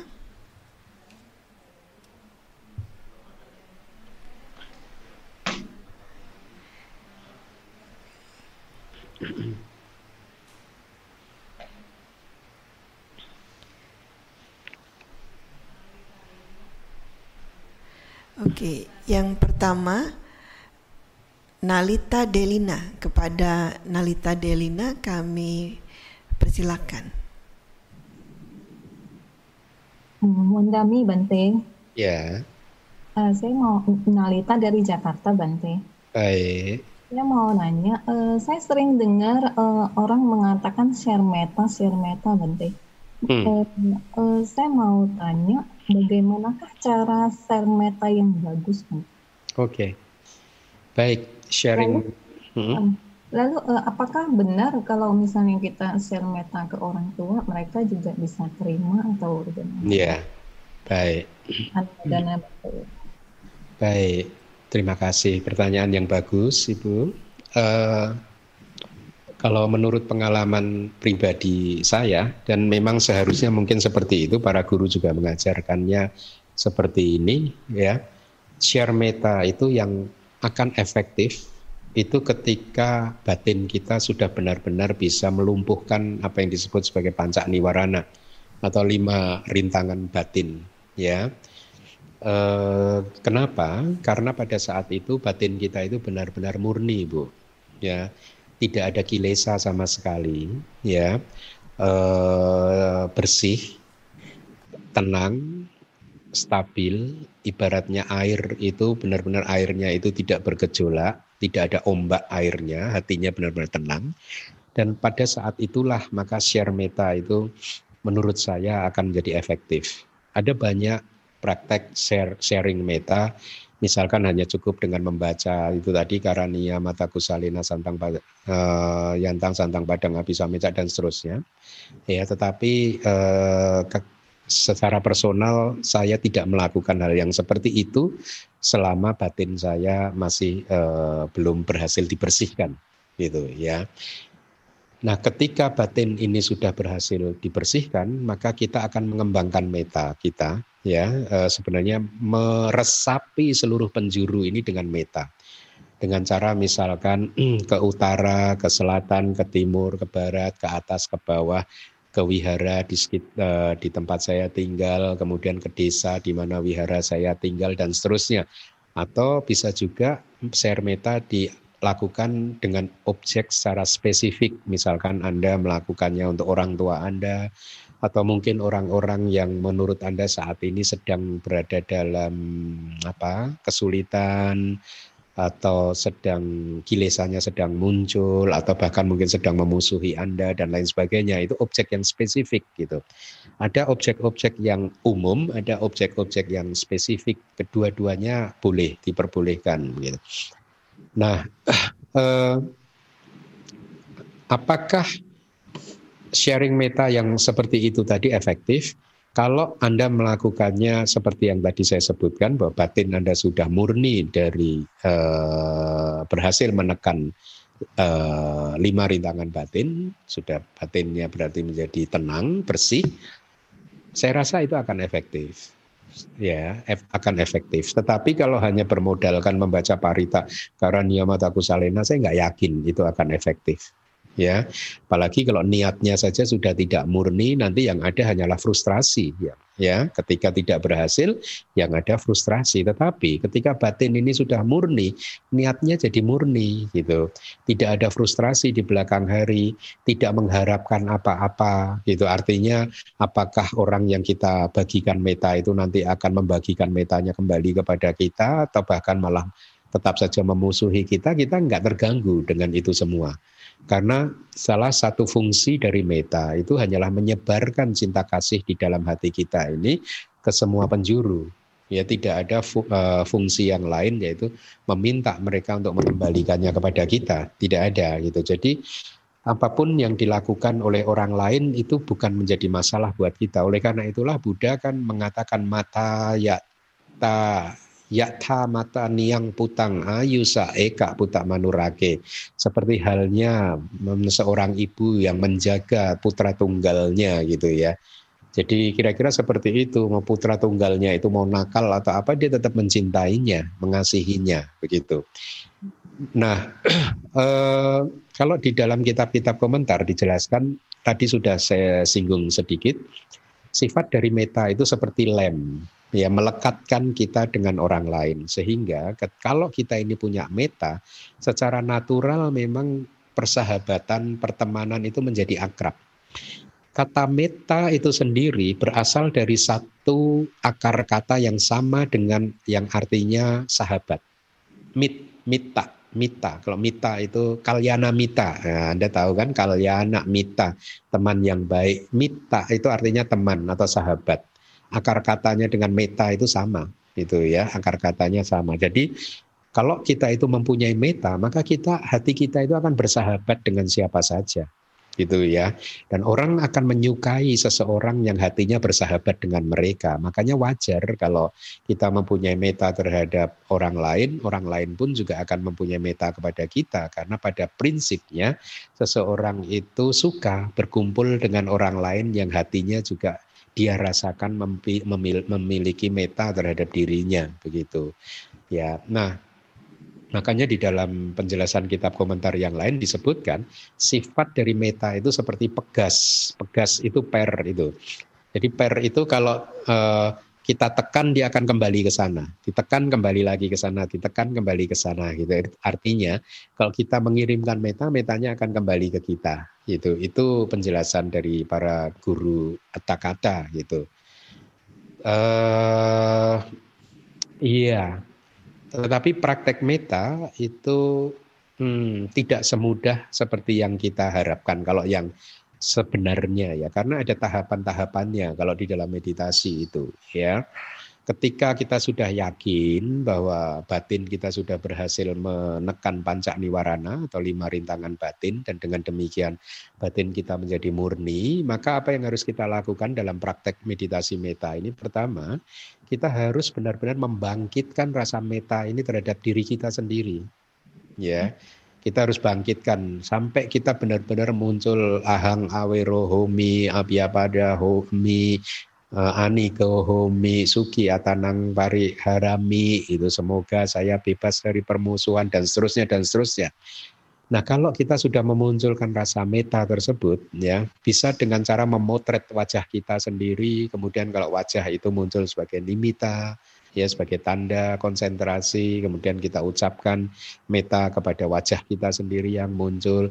Dan kalau di sana muncul perasaan sukacita yang sangat kuat, ya, dan kita yakin batin kita bersih, tidak ada kilesa-kilesa yang muncul dan rasa meta terhadap diri kita ini sudah stabil, artinya stabil itu setiap kali kita munculkan dia muncul begitu dan rasa sukacitanya itu sangat kuat sekali, maka kita pancarkan meta tersebut kepada objek yang kedua Ya, objek yang kedua ini adalah orang-orang yang kita cintai, orang-orang yang kita kasihi, orang-orang yang kita sayangi, ya. Tapi syaratnya dia harus lawan jenis dari kita dan juga bukan orang yang sudah meninggal dunia. Karena tidak akan berhasil mem, meng, apa, memancarkan meta kepada orang yang sudah meninggal dunia Malah itu berbahaya kalau kita tidak terampil malah bisa memunculkan kesedihan ketika ingat aduh sudah meninggal dia ya gitu. Dan ketika kesedihan muncul maka batin kita menjadi kotor lagi gitu. Terhadap lawan jenis juga kita dilarang untuk menyebarkan meta pada tahapan yang ini ya karena apa? berpotensi memunculkan nafsu ya dan ketika nafsu terhadap lawan jenis muncul maka batin jadi kotor kan ya maka itu uh, pantangan-pantangannya begitu Nah kita bisa ambil siapa saja orang yang kita sayangi. Kalau saya laki-laki ya bisa saja mengambil mungkin guru penahbis saya atau guru-guru saya begitu yang laki-laki atau mungkin orang tua saya tapi kebetulan orang tua saya bapak saya sudah meninggal gitu atau ya kalau perempuan ya bisa mamahnya begitu dan lain sebagainya ya. Nah, dipancarkan ke orang yang sedemikian itu sampai muncul rasa yang sama lagi, sukacita yang sangat kuat lagi terhadap orang-orang tersebut gitu ya. Dan kemudian objek yang ketiga kalau itu sudah stabil dipancarkan kepada uh, orang yang uh, sedang-sedang saja gitu. Tidak begitu kita sayangi tapi juga tidak begitu kita benci sedang-sedang saja. Anda bisa memancarkannya mungkin kepada siapa pun gitu yang sedang-sedang saja. Mungkin Anda tadi parkir mobil ketemu Pak tukang parkir ya, ya Anda bisa pancarkan ke dia atau Anda masuk ke kompleks ketemu Bapak Satpam, Anda bisa pancarkan ke dia dan seterusnya dan seterusnya. Dengan dengan cara yang sama seperti tadi yang sudah saya sampaikan. Kalau meta sudah stabil di objek yang ketiga baru yang terakhir ini puncaknya kita pancarkan meta kepada semua orang yang kita benci. Ini puncaknya, ya. Semua orang yang kita benci, gitu. Semua orang yang kita nggak suka, musuh-musuh kita. Kalau bahasa palinya itu weri, ya weri, musuh-musuh kita, ya. Uh, sampai memunculkan rasa sukacita tadi, artinya tidak ada permusuhan lagi. Nah, ketika kita sudah berhasil masuk ke tahapan yang terakhir inilah yang disebut kita sudah melakukan apa berhasil menembus uh, meditasi meta dengan istilah palinya itu sima sambeda gitu. The breaking of the barrier gitu. Artinya barriernya sudah sudah kita hancurkan, sudah tidak ada lagi batasan ini saya itu Anda gitu ini orang yang saya sukai, ini itu orang yang tidak saya sukai, tidak ada lagi batasan-batasan itu. Semuanya sudah menyatu. Dan ketika itu sudah tercapai, biasanya akan diteruskan nanti ke seluruh penjuru, begitu ya, ke utara, selatan, timur, barat, atas, bawah, ke seluruh desa, seluruh kota, seluruh negara, dan seterusnya. Itu praktek meta yang diajarkan oleh uh, para guru yang semestinya ya seperti itu, Ibu. Demikian, mudah-mudahan menjawab. Mudah-mudahan Selanjutnya kepada Bapak Paulus Petrus, kami persilakan Bapak Paulus Petrus. Selamat pagi, Bante. Pagi. Ingin saya tanyakan berarti bagaimana penggunaan parita karania ini untuk kita selaku umat awam Bante? Apakah oh. kita menggunakannya misalnya kan kalau tadi kan para biku di tempat untuk pertapaan mereka. Nah, kalau kita umat awam apakah kita bisa memakai misalnya kita untuk peresmian rumah, toko, atau bagaimana Bante dan uh, bagaimana Raita ini bisa bermanfaat Bante. Terima kasih Bante. Oke, okay. Uh, iya sebenarnya uh, saya tidak berani untuk mengatakan apakah hanya dengan membacanya itu akan bermanfaat. Gitu. Saya bukan termasuk yang percaya begitu-begitu gitu. Semua pengalaman kehidupan saya membawa kepada sikap yang seperti itu gitu. Tetapi kalau Anda baca setiap pagi, setiap sore gitu seperti tadi nasihat Buddha tadi itu bagus. Tapi dengan syarat Anda harus memahami maknanya, Pak. Karena kalau tidak memahami maknanya nanti Anda hanya melafalkan sesuatu yang tidak bermakna, manfaatnya kurang. Meskipun itu juga baik dalam artian karena ini mengulang-ulang kata Buddha. Baiknya konteksnya begini. Kalau batin kita itu tahu yang kita ulang ini adalah kata-kata Buddha dan itu kita ulang-ulang selama katakanlah 30 menit, maka secara natural, secara alamiah batin kita akan menjadi damai ya kilesa-kilesa akan mengendap gitu.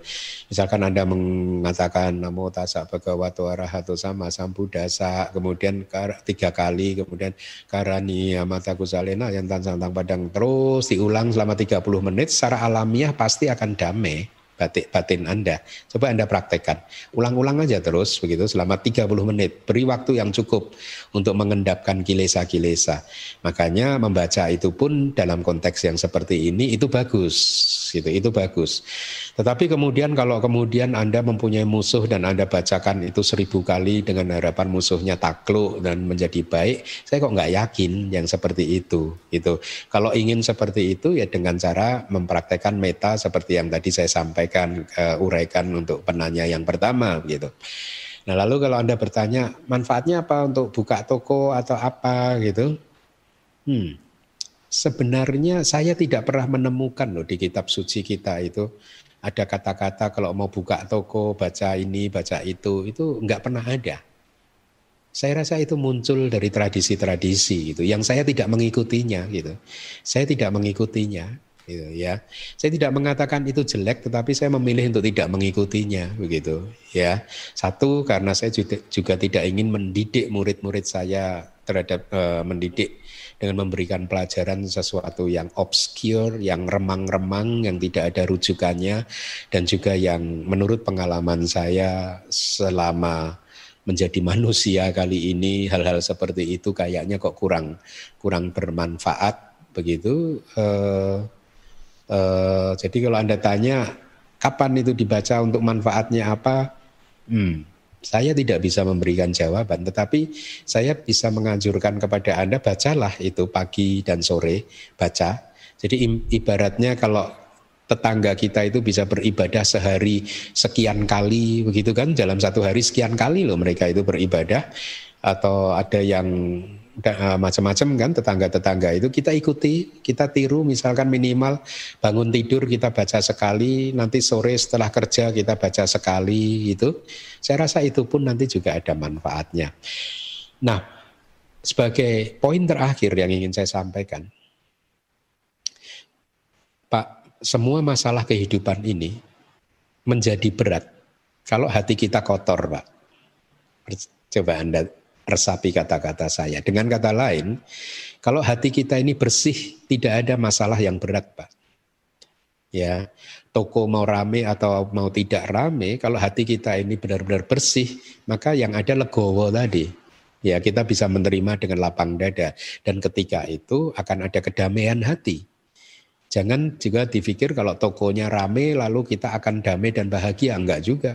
Banyak orang yang tokonya makin rame malah makin stres, Ya toh. Jadi sekali lagi, masalah apa pun itu menjadi berat karena hati kita yang kotor.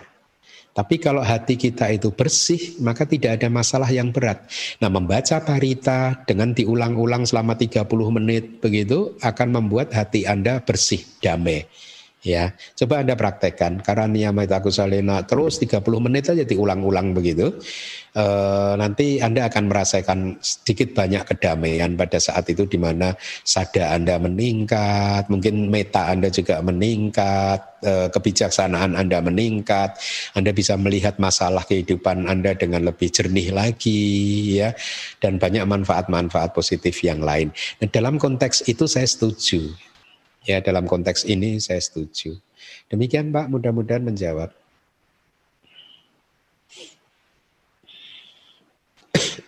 Selanjutnya kepada Bapak Saiful Ruhiat Cosahan.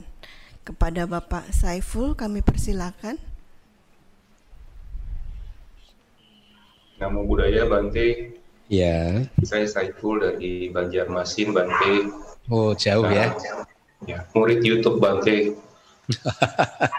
Bante, uh, saya baca dari buku Abidama untuk subjek meditasi meta itu ada keterbatasan sampai jana keempat ya Bante.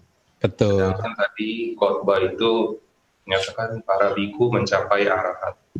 Mohon pencerahan Bante. Terima kasih. Semoga Bante selalu sehat, bahagia, dan tercapai semua cita-citanya. Terima kasih. Terima kasih atas semua harapan baik dari Bapak. Semoga demikian juga yang terjadi untuk Bapak ya. Bapak dari Banjarmasin ya tadi ya jauh ya umat YouTube. Bersyukur Pak, teknologi sudah membuat kita semua bisa seperti hari ini. Ya, jadi meskipun Bapak mungkin tinggal di pelosok, maksud saya di tempat yang jauh, tapi masih bisa mendengarkan kitab suci kita, bisa mendengarkan ajaran Buddha. Teruslah Pak eh, mendengarkannya, jangan patah semangat, karena ini adalah sesuatu yang sangat penting untuk mengisi kehidupan kita ya dengan ini begitu. Nah, eh, terhadap apa untuk menjawab pertanyaan Anda tadi dikatakan memang benar apa yang Anda sampaikan. Ketika kita melatih meta, kita bisa mencapai jana maksimal uh, jana yang keempat itu dengan uh, apa namanya uh, struktur jana menurut Abhidhamma ya karena jana rupa wacara menurut Sutanta itu Buddha hanya mengatakan empat rupa wacara jana atau empat jana saja ya tapi di Abhidhamma diurai dengan lebih detail lagi sehingga akhirnya kita bisa mendapatkan e, lima jana. Mana yang benar sama-sama benar. Kenapa? Karena Sutanta itu menggunakan bahasa konvensional ya. Sedangkan abidama itu menggunakan bahasa uh, dari realitas yang hakiki realitas yang sesungguhnya terjadi begitu ya. Perbedaannya adalah kalau dibahas di sutanta ketika seseorang mencapai jana yang kedua, dia langsung menanggalkan dua faktor jana, yaitu witaka dan wicara. Tetapi di dalam abidama kita tidak bisa begitu. Kita harus mengur uh, guru guru atau Buddha dan yang Arya Sariputa menguraikannya dengan presisi yang lebih baik.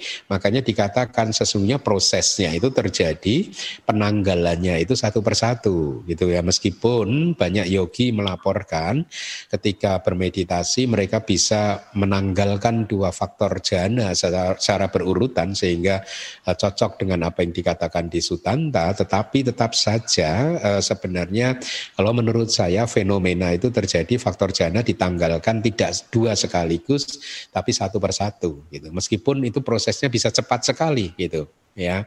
Bisa cepat sekali itu artinya dalam satu detik atau satu persekian miliar detik katakanlah begitu ya. Nah itulah yang membuat akhirnya klasifikasi jana di dalam sutanta dan abidama menjadi berbeda. Buat mereka yang tidak mengetahui atau mempunyai pengetahuan yang terbatas mereka akan find fault akan menyalahkan. Nah, itu abidama buktinya beda sama suta dan lain sebagainya. Tapi bagi mereka yang pengetahuannya luas, mereka nggak akan find fault, nggak akan menyalahkan ini uh, perbedaan ini karena mereka tahu bahwa ini adalah seperti yang tadi saya sampaikan. Nah, oleh karena itu ketika Anda mengatakan meta bisa dikembangkan sampai ke jana yang keempat, itu Anda sedang mengacu pada uh, klasifikasi atau struktur jana menurut Abhidhamma. Berarti ada lima jana, ya. Karena di jana yang uh, prinsipnya begini, Bapak. Meta itu selalu muncul dengan disertai perasaan sukacita. Ya. Nah, di dalam struktur lima jana jana yang dilengkapi dengan perasaan sukacita atau perasaan suka karena faktor mental suka ya itu hanyalah jana satu, dua, tiga dan empat. Jana yang kelima itu eh, disertai dengan perasaan UPK sehingga meta tidak bisa muncul ya karena meta harus muncul dengan perasaan sukacita. Ketika perasaan yang muncul di jana kelima UPK maka meta tidak bisa eh, muncul. Jadi eh, kalau di dalam eh, apa struktur jana di sutanta maka meta bisa muncul sampai ke jana yang ketiga. Artinya begitu. Karena jana yang keempat di struktur sutanta itu sama dengan jana yang kelima di struktur abidama demikian eh, Pak apakah sudah menjawab pertanyaan Anda Uh, maksudnya gini Bante, kalau meta itu kan ada sukacita, sedangkan kalau untuk arahat kan sudah seimbang semua ya Bante.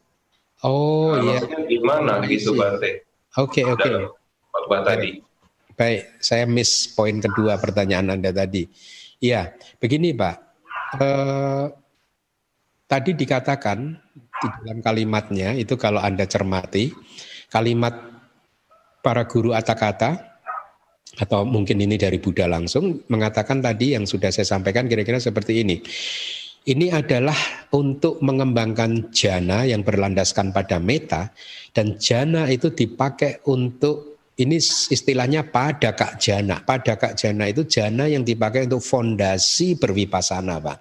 Jadi maksudnya begini Pak, ketika mungkin seorang biku sudah mencapai jana satu atau dua atau tiga atau empat dengan objek meta, lalu dia akan memurnikan batinnya di dalam jana meta tersebut, ya dengan objek meta tersebut untuk waktu yang dia anggap cukup, dan setelah dia anggap cukup, maka dia uh, sesuai dengan resolusinya dia akan keluar dari jana tersebut dan setelah keluar dari jana dia akan mengamati nama rupa itu yang dimaksudkan, Pak.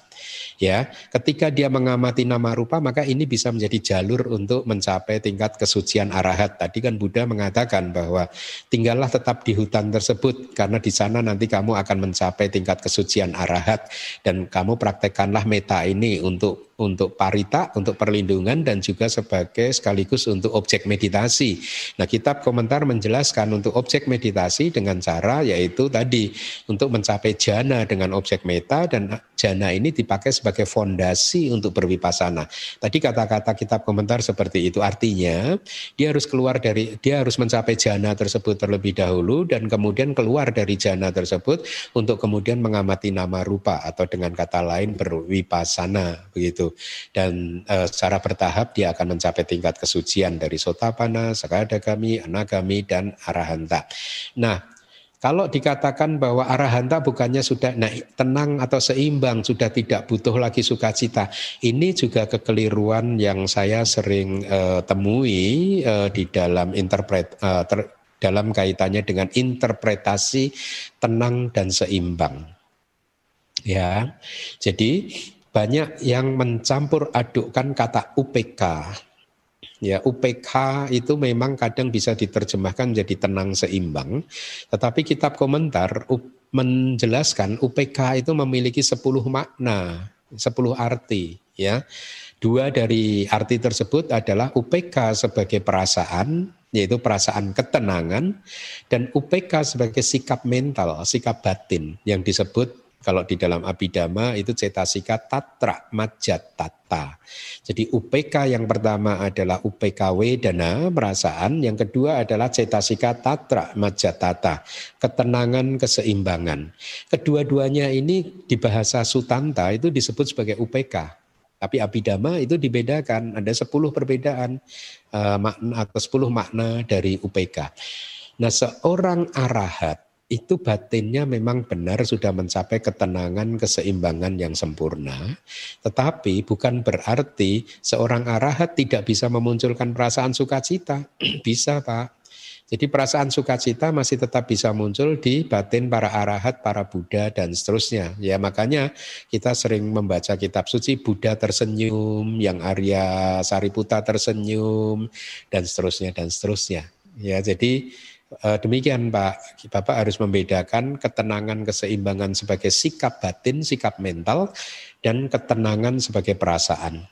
Ya, yang Bapak maksud adalah seorang arahat mempunyai sikap mental yang tenang seimbang, tetapi bukan berarti seorang arahat tidak bisa lagi memunculkan perasaan sukacita. Bisa Pak, masih bisa muncul perasaan sukacita. Demikian Pak. Yang tidak bisa muncul, ya saya tambahkan, yang tidak bisa muncul di batin arahat Buddha, Paceka Buddha adalah perasaan jengkel, perasaan duka cita, itu tidak bisa muncul. Tapi kalau perasaan UPK dan perasaan sukacita masih bisa muncul. Gitu. Baik, terima kasih. Terima kasih hasil atas penjelasannya. Selanjutnya kepada Michelle Avalo, kami persilakan Michelle. Uh, iya, uh, Sukihoto dan selamat pagi Bante. Ya, yeah, Michelle. Hmm, perkenalkan nama saya Misha Avalo dari Jakarta. Ya, hmm, mungkin sedikit latar belakang Bante sebelum saya bertanya. Jadi tahun ini saya memasuki semester 1 pada Fakultas Kedokteran Bante. Lalu kebetulan kemarin saya um, mengikuti webinar um, mengenai kontraseptif Bante. Jadi saya belajar bahwa ada dua tipe kontraseptif di, di mana yang pertama ini uh, dia uh, menghambat pertemuannya sel telur dan sel sperma. Sedangkan yang kedua ini dia menghambat implantasinya uh, implantasinya uh, sel telur yang sudah dibuahi uh, di rahim bante. Jadi pertanyaan saya ini uh, untuk uh, kontraseptif yang tipe 2 di mana uh, sel telur ini yang sudah dibuahi tidak dapat diimplantasi kepada rahim, apakah ini termasuk uh, melanggar sila pertama Bante karena kan kondisinya ini uh, sel telur sudah dibuahi namun tidak dapat implantasi dan juga uh, orang yang meminum kontraseptif ini dia memang tujuannya untuk tidak hamil Bante. Lalu uh, pertanyaan kedua saya, apabila iya, apakah berarti hidup kehidupan ini dimulai uh, dimulai ketika sel telur ini telah dibuahi Bante? Ya, sekian okay. pertanyaan saya, Anumodana. Oke, okay, Michelle, selamat ya udah jadi mahasiswi sekarang. Kita kenal lima tahun lalu ya, berarti Michelle masih SMP ya Michelle? nah, uh, saya refresh dulu pertanyaannya Michelle. Jadi ini tadi bicara tentang kontrasepsi ya. Yang kedua tadi itu mencegah implan implan ke rahim gitu ya. Sudah dibuahi tapi dicegah ya. Cegah sehingga akhirnya tidak bisa menghasilkan bayi ya. Iya Bante. Oke, okay. baik. Nah, hmm, nah ini nih agak pelik nih, Michelle. Uh, begini, kalau menurut Buddha, kelahiran kembali itu terjadi ketika ketika terjadi ber, bertemunya tiga poin, Michelle.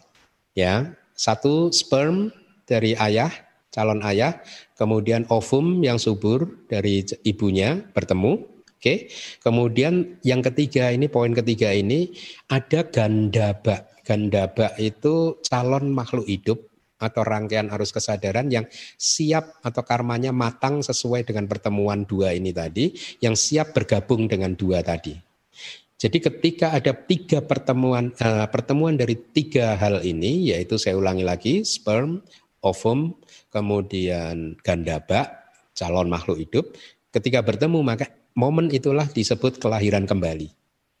Artinya ini sudah ada makhluk hidup ketika ini bertemu. Ya. Nah sekarang yang saya sering membaca perdebatan di antara Buddhist scholars di dunia ini, ya perdebatannya begini, Michelle. Kapankah tiga ini bertemu gitu? Apakah itu right after ovum dan sperm bertemu? Atau menunggu sekian jam, sekian minggu, sekian bulan. Itu yang sering jadi perdebatan, gitu ya. Jadi artinya kapan sesungguhnya kelahiran kembali itu terjadi? Apakah benar persis ketika sperm dan ovum bertemu atau terjadi beberapa saat setelah pertemuan itu. Ya, uh, ada Buddhist scholar yang mengatakan bahwa saya lupa dia menggunakan contoh seseorang yang mengingat kelahiran kembalinya itu dan kira-kira katanya kalau saya tidak salah ya seseorang yang mampu mengingat kelahiran kembalinya mengatakan bahwa dia berada di dalam kandungan ibunya itu selama tujuh bulan gitu ya. Sehingga salah seorang bante yang cukup terkenal ini mengatakan dia menyimpulkan yang menurut saya terlalu sembrono kesimpulannya mengatakan bahwa pembuahan itu terjadi kira-kira ya eh, di masa kehamilan setelah dua bulan. Arti eh, kelahiran kembali. Itu di masa kehamilan usia kehamilan sudah dua bulan. Jadi di dua bulan pertama itu belum ada makhluk Katanya begitu. Dia dengan referring referensinya itu tadi ada seseorang yang bisa mengingat kehidupan kembalinya dan mengatakan dia berada di dalam kandungan ibunya hanya tujuh bulan. Yang saya katakan itu statement yang sangat sembrono gitu. Nah belakangan itu saya menemukan referensi uh, di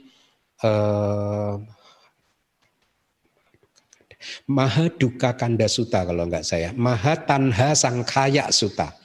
Maha Tanha Sangkhaya Sutta Majjhima Nikaya. Ya, saya membaca kitab komentarnya kalau tidak salah ada di buku Karma Kelahiran Kembali uh, uh, buku Karma yang saya tulis itu pusaran kelahiran dan kematian tanpa awal begitu ya.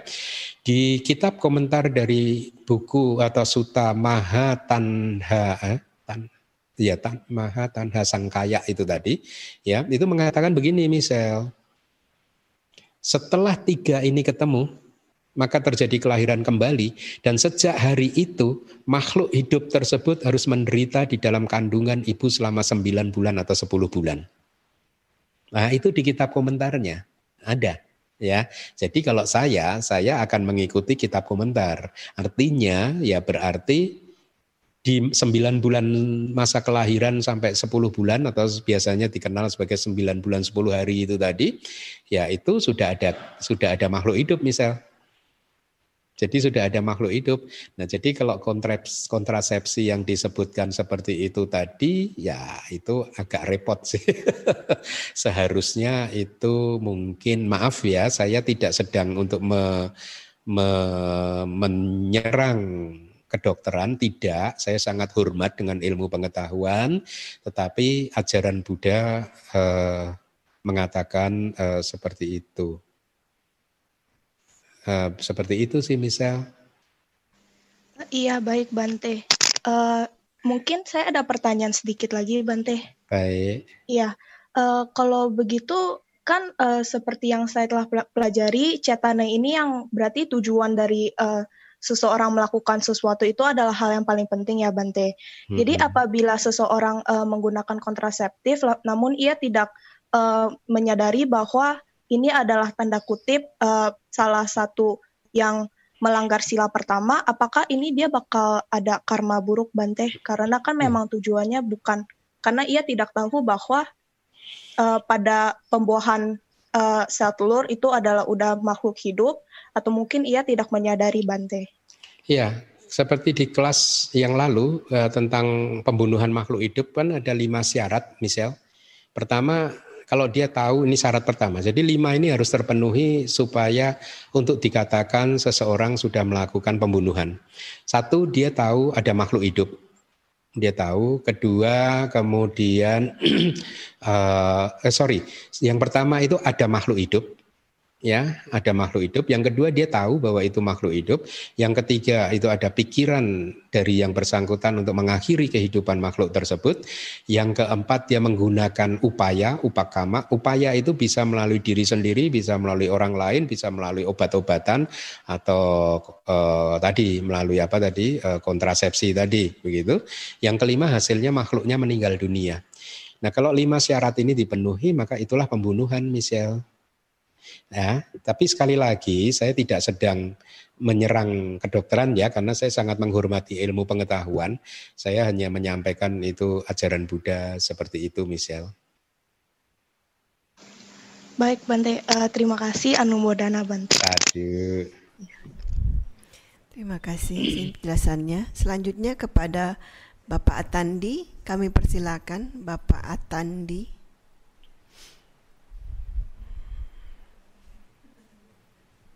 Untuk Bante. Iya. Uh, jadi kan tadi di kitab komentar disebutkan anak-anak dewa yang mengganggu para Bante. Nah itu anak-anak dewa itu maksudnya dewa yang masih baru lahir atau anak-anak gimana? Soalnya kan para dewa kan kelahirannya kan secara spontan. Itu maksudnya anak-anak dewa tuh anak-anak yang gimana? Iya. Baik, tadi sebenarnya yang mengganggu bukan anak-anaknya, Mas, tetapi dewa-dewanya, orang tuanya gitu. Tapi kemudian dewanya membawa anak-anaknya, begitu lagi ngajak berjalan-jalan, begitu dan akhirnya bertemu dengan para biku. Jadi demikian. Kemudian tentang anak-anak dewa, ya memang para dewa itu lahir spontan, tetapi spontannya itu seperti kalau laki-laki dia dewa laki-laki dia seperti perjaka eh, pemuda yang berumur 17 tahun. Kalau dia itu dewi, dewa perempuan dia seperti pemudi gitu yang berumur 15-an tahun gitu. Jadi ya itulah anak-anak ya, seperti itu. Itu maksudnya. Oke ya. Baik, makasih Bante. Ya. Bante, apakah masih bisa ada satu penanya lagi? Boleh. Oh, ya, oke. Okay. Selanjutnya kepada Bapak Edi Kosasi, kami persilakan Bapak Edi Kosasi.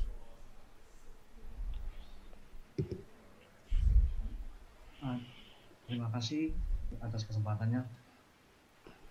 Hmm? Uh, Saya nggak mendengar. Pak ya. Edi Kosasi. Ya terima kasih Bante. Uh, mau nanya uh, untuk pembunuhan makhluk hidup. Tadi kan kata Bante ada lima syarat terpenuhi. Kalau misalnya ini ini saya contoh nih Pak uh, Bante. Nah sekarang saat ini kan musim hujan banyak banyak makhluk hidup yang keluar. Misalnya uh, uh, seperti semut-semut apa uh, saya udah tahu dia uh, misalnya mau mandi atau gimana uh, suka keluar gitu tapi uh, saya tidak ada maksud membunuhnya tidak ada maksud membunuhnya cuman nggak uh, mungkin dong saya pindahin semut-semut dulu satu persatu gitu uh, pada saat jamnya memang mau mau mandi atau gimana itu uh, kalau memang tidak ada niat cetana untuk membunuh itu itu termasuk pembunuhan nggak gitu Ya, sama dengan jawaban saya terakhir ke Michelle tadi, Pak Edi Ya. Kan ada lima syarat itu ya Anda analisa sendiri. lima syarat itu terpenuhi atau tidak. Maka kalau terpenuhi itu adalah pembunuhan. Kalau tidak pun harus hati-hati. kalau tidak, meskipun nih, mes, ya, contohnya gitu. Ya. Ada seseorang berniat untuk membunuh binatang, tetapi dia melakukan usaha ternyata binatangnya nggak mati. Berarti kan dia tidak melakukan karma pembunuhan karena syarat yang kelimanya tidak terpenuhi, yaitu binatangnya hmm. mati, objeknya mati. Itu tidak terpenuhi ya. Jadi jangan berpikir bahwa oh saya bersyukur saya lolos dari karma buruk pembunuhan. Memang benar dia lolos dari karma buruk pembunuhan, tetapi dia melakukan karma buruk mental yang lain yang disebut biapada, niat jahat, pikiran jahat dia sudah memunculkan pikiran jahat untuk membunuh binatang tersebut. Tetap saja itu karma buruk dan tetap saja bobotnya sama. Kalau itu berbuah, itu menjadi jalan kama bisa memunculkan kelahiran di apaya empat salah satu dari empat alam yang tanpa penderitaan begitu. Jadi demikian meskipun gagal tapi itu adalah karma buruk yang lain yang disebut uh, niat jahat. Pikiran jahat itu. Jadi Anda analisa sendiri apakah memenuhi lima syarat itu dan juga hati-hati karena meskipun syaratnya tidak terpenuhi, misalkan tadi binatangnya nggak mati, bisa saja itu ada niat jahat di sana. gitu Pak. Ya udah, makasih Pak. Ya, sama-sama. Oke, terima kasih.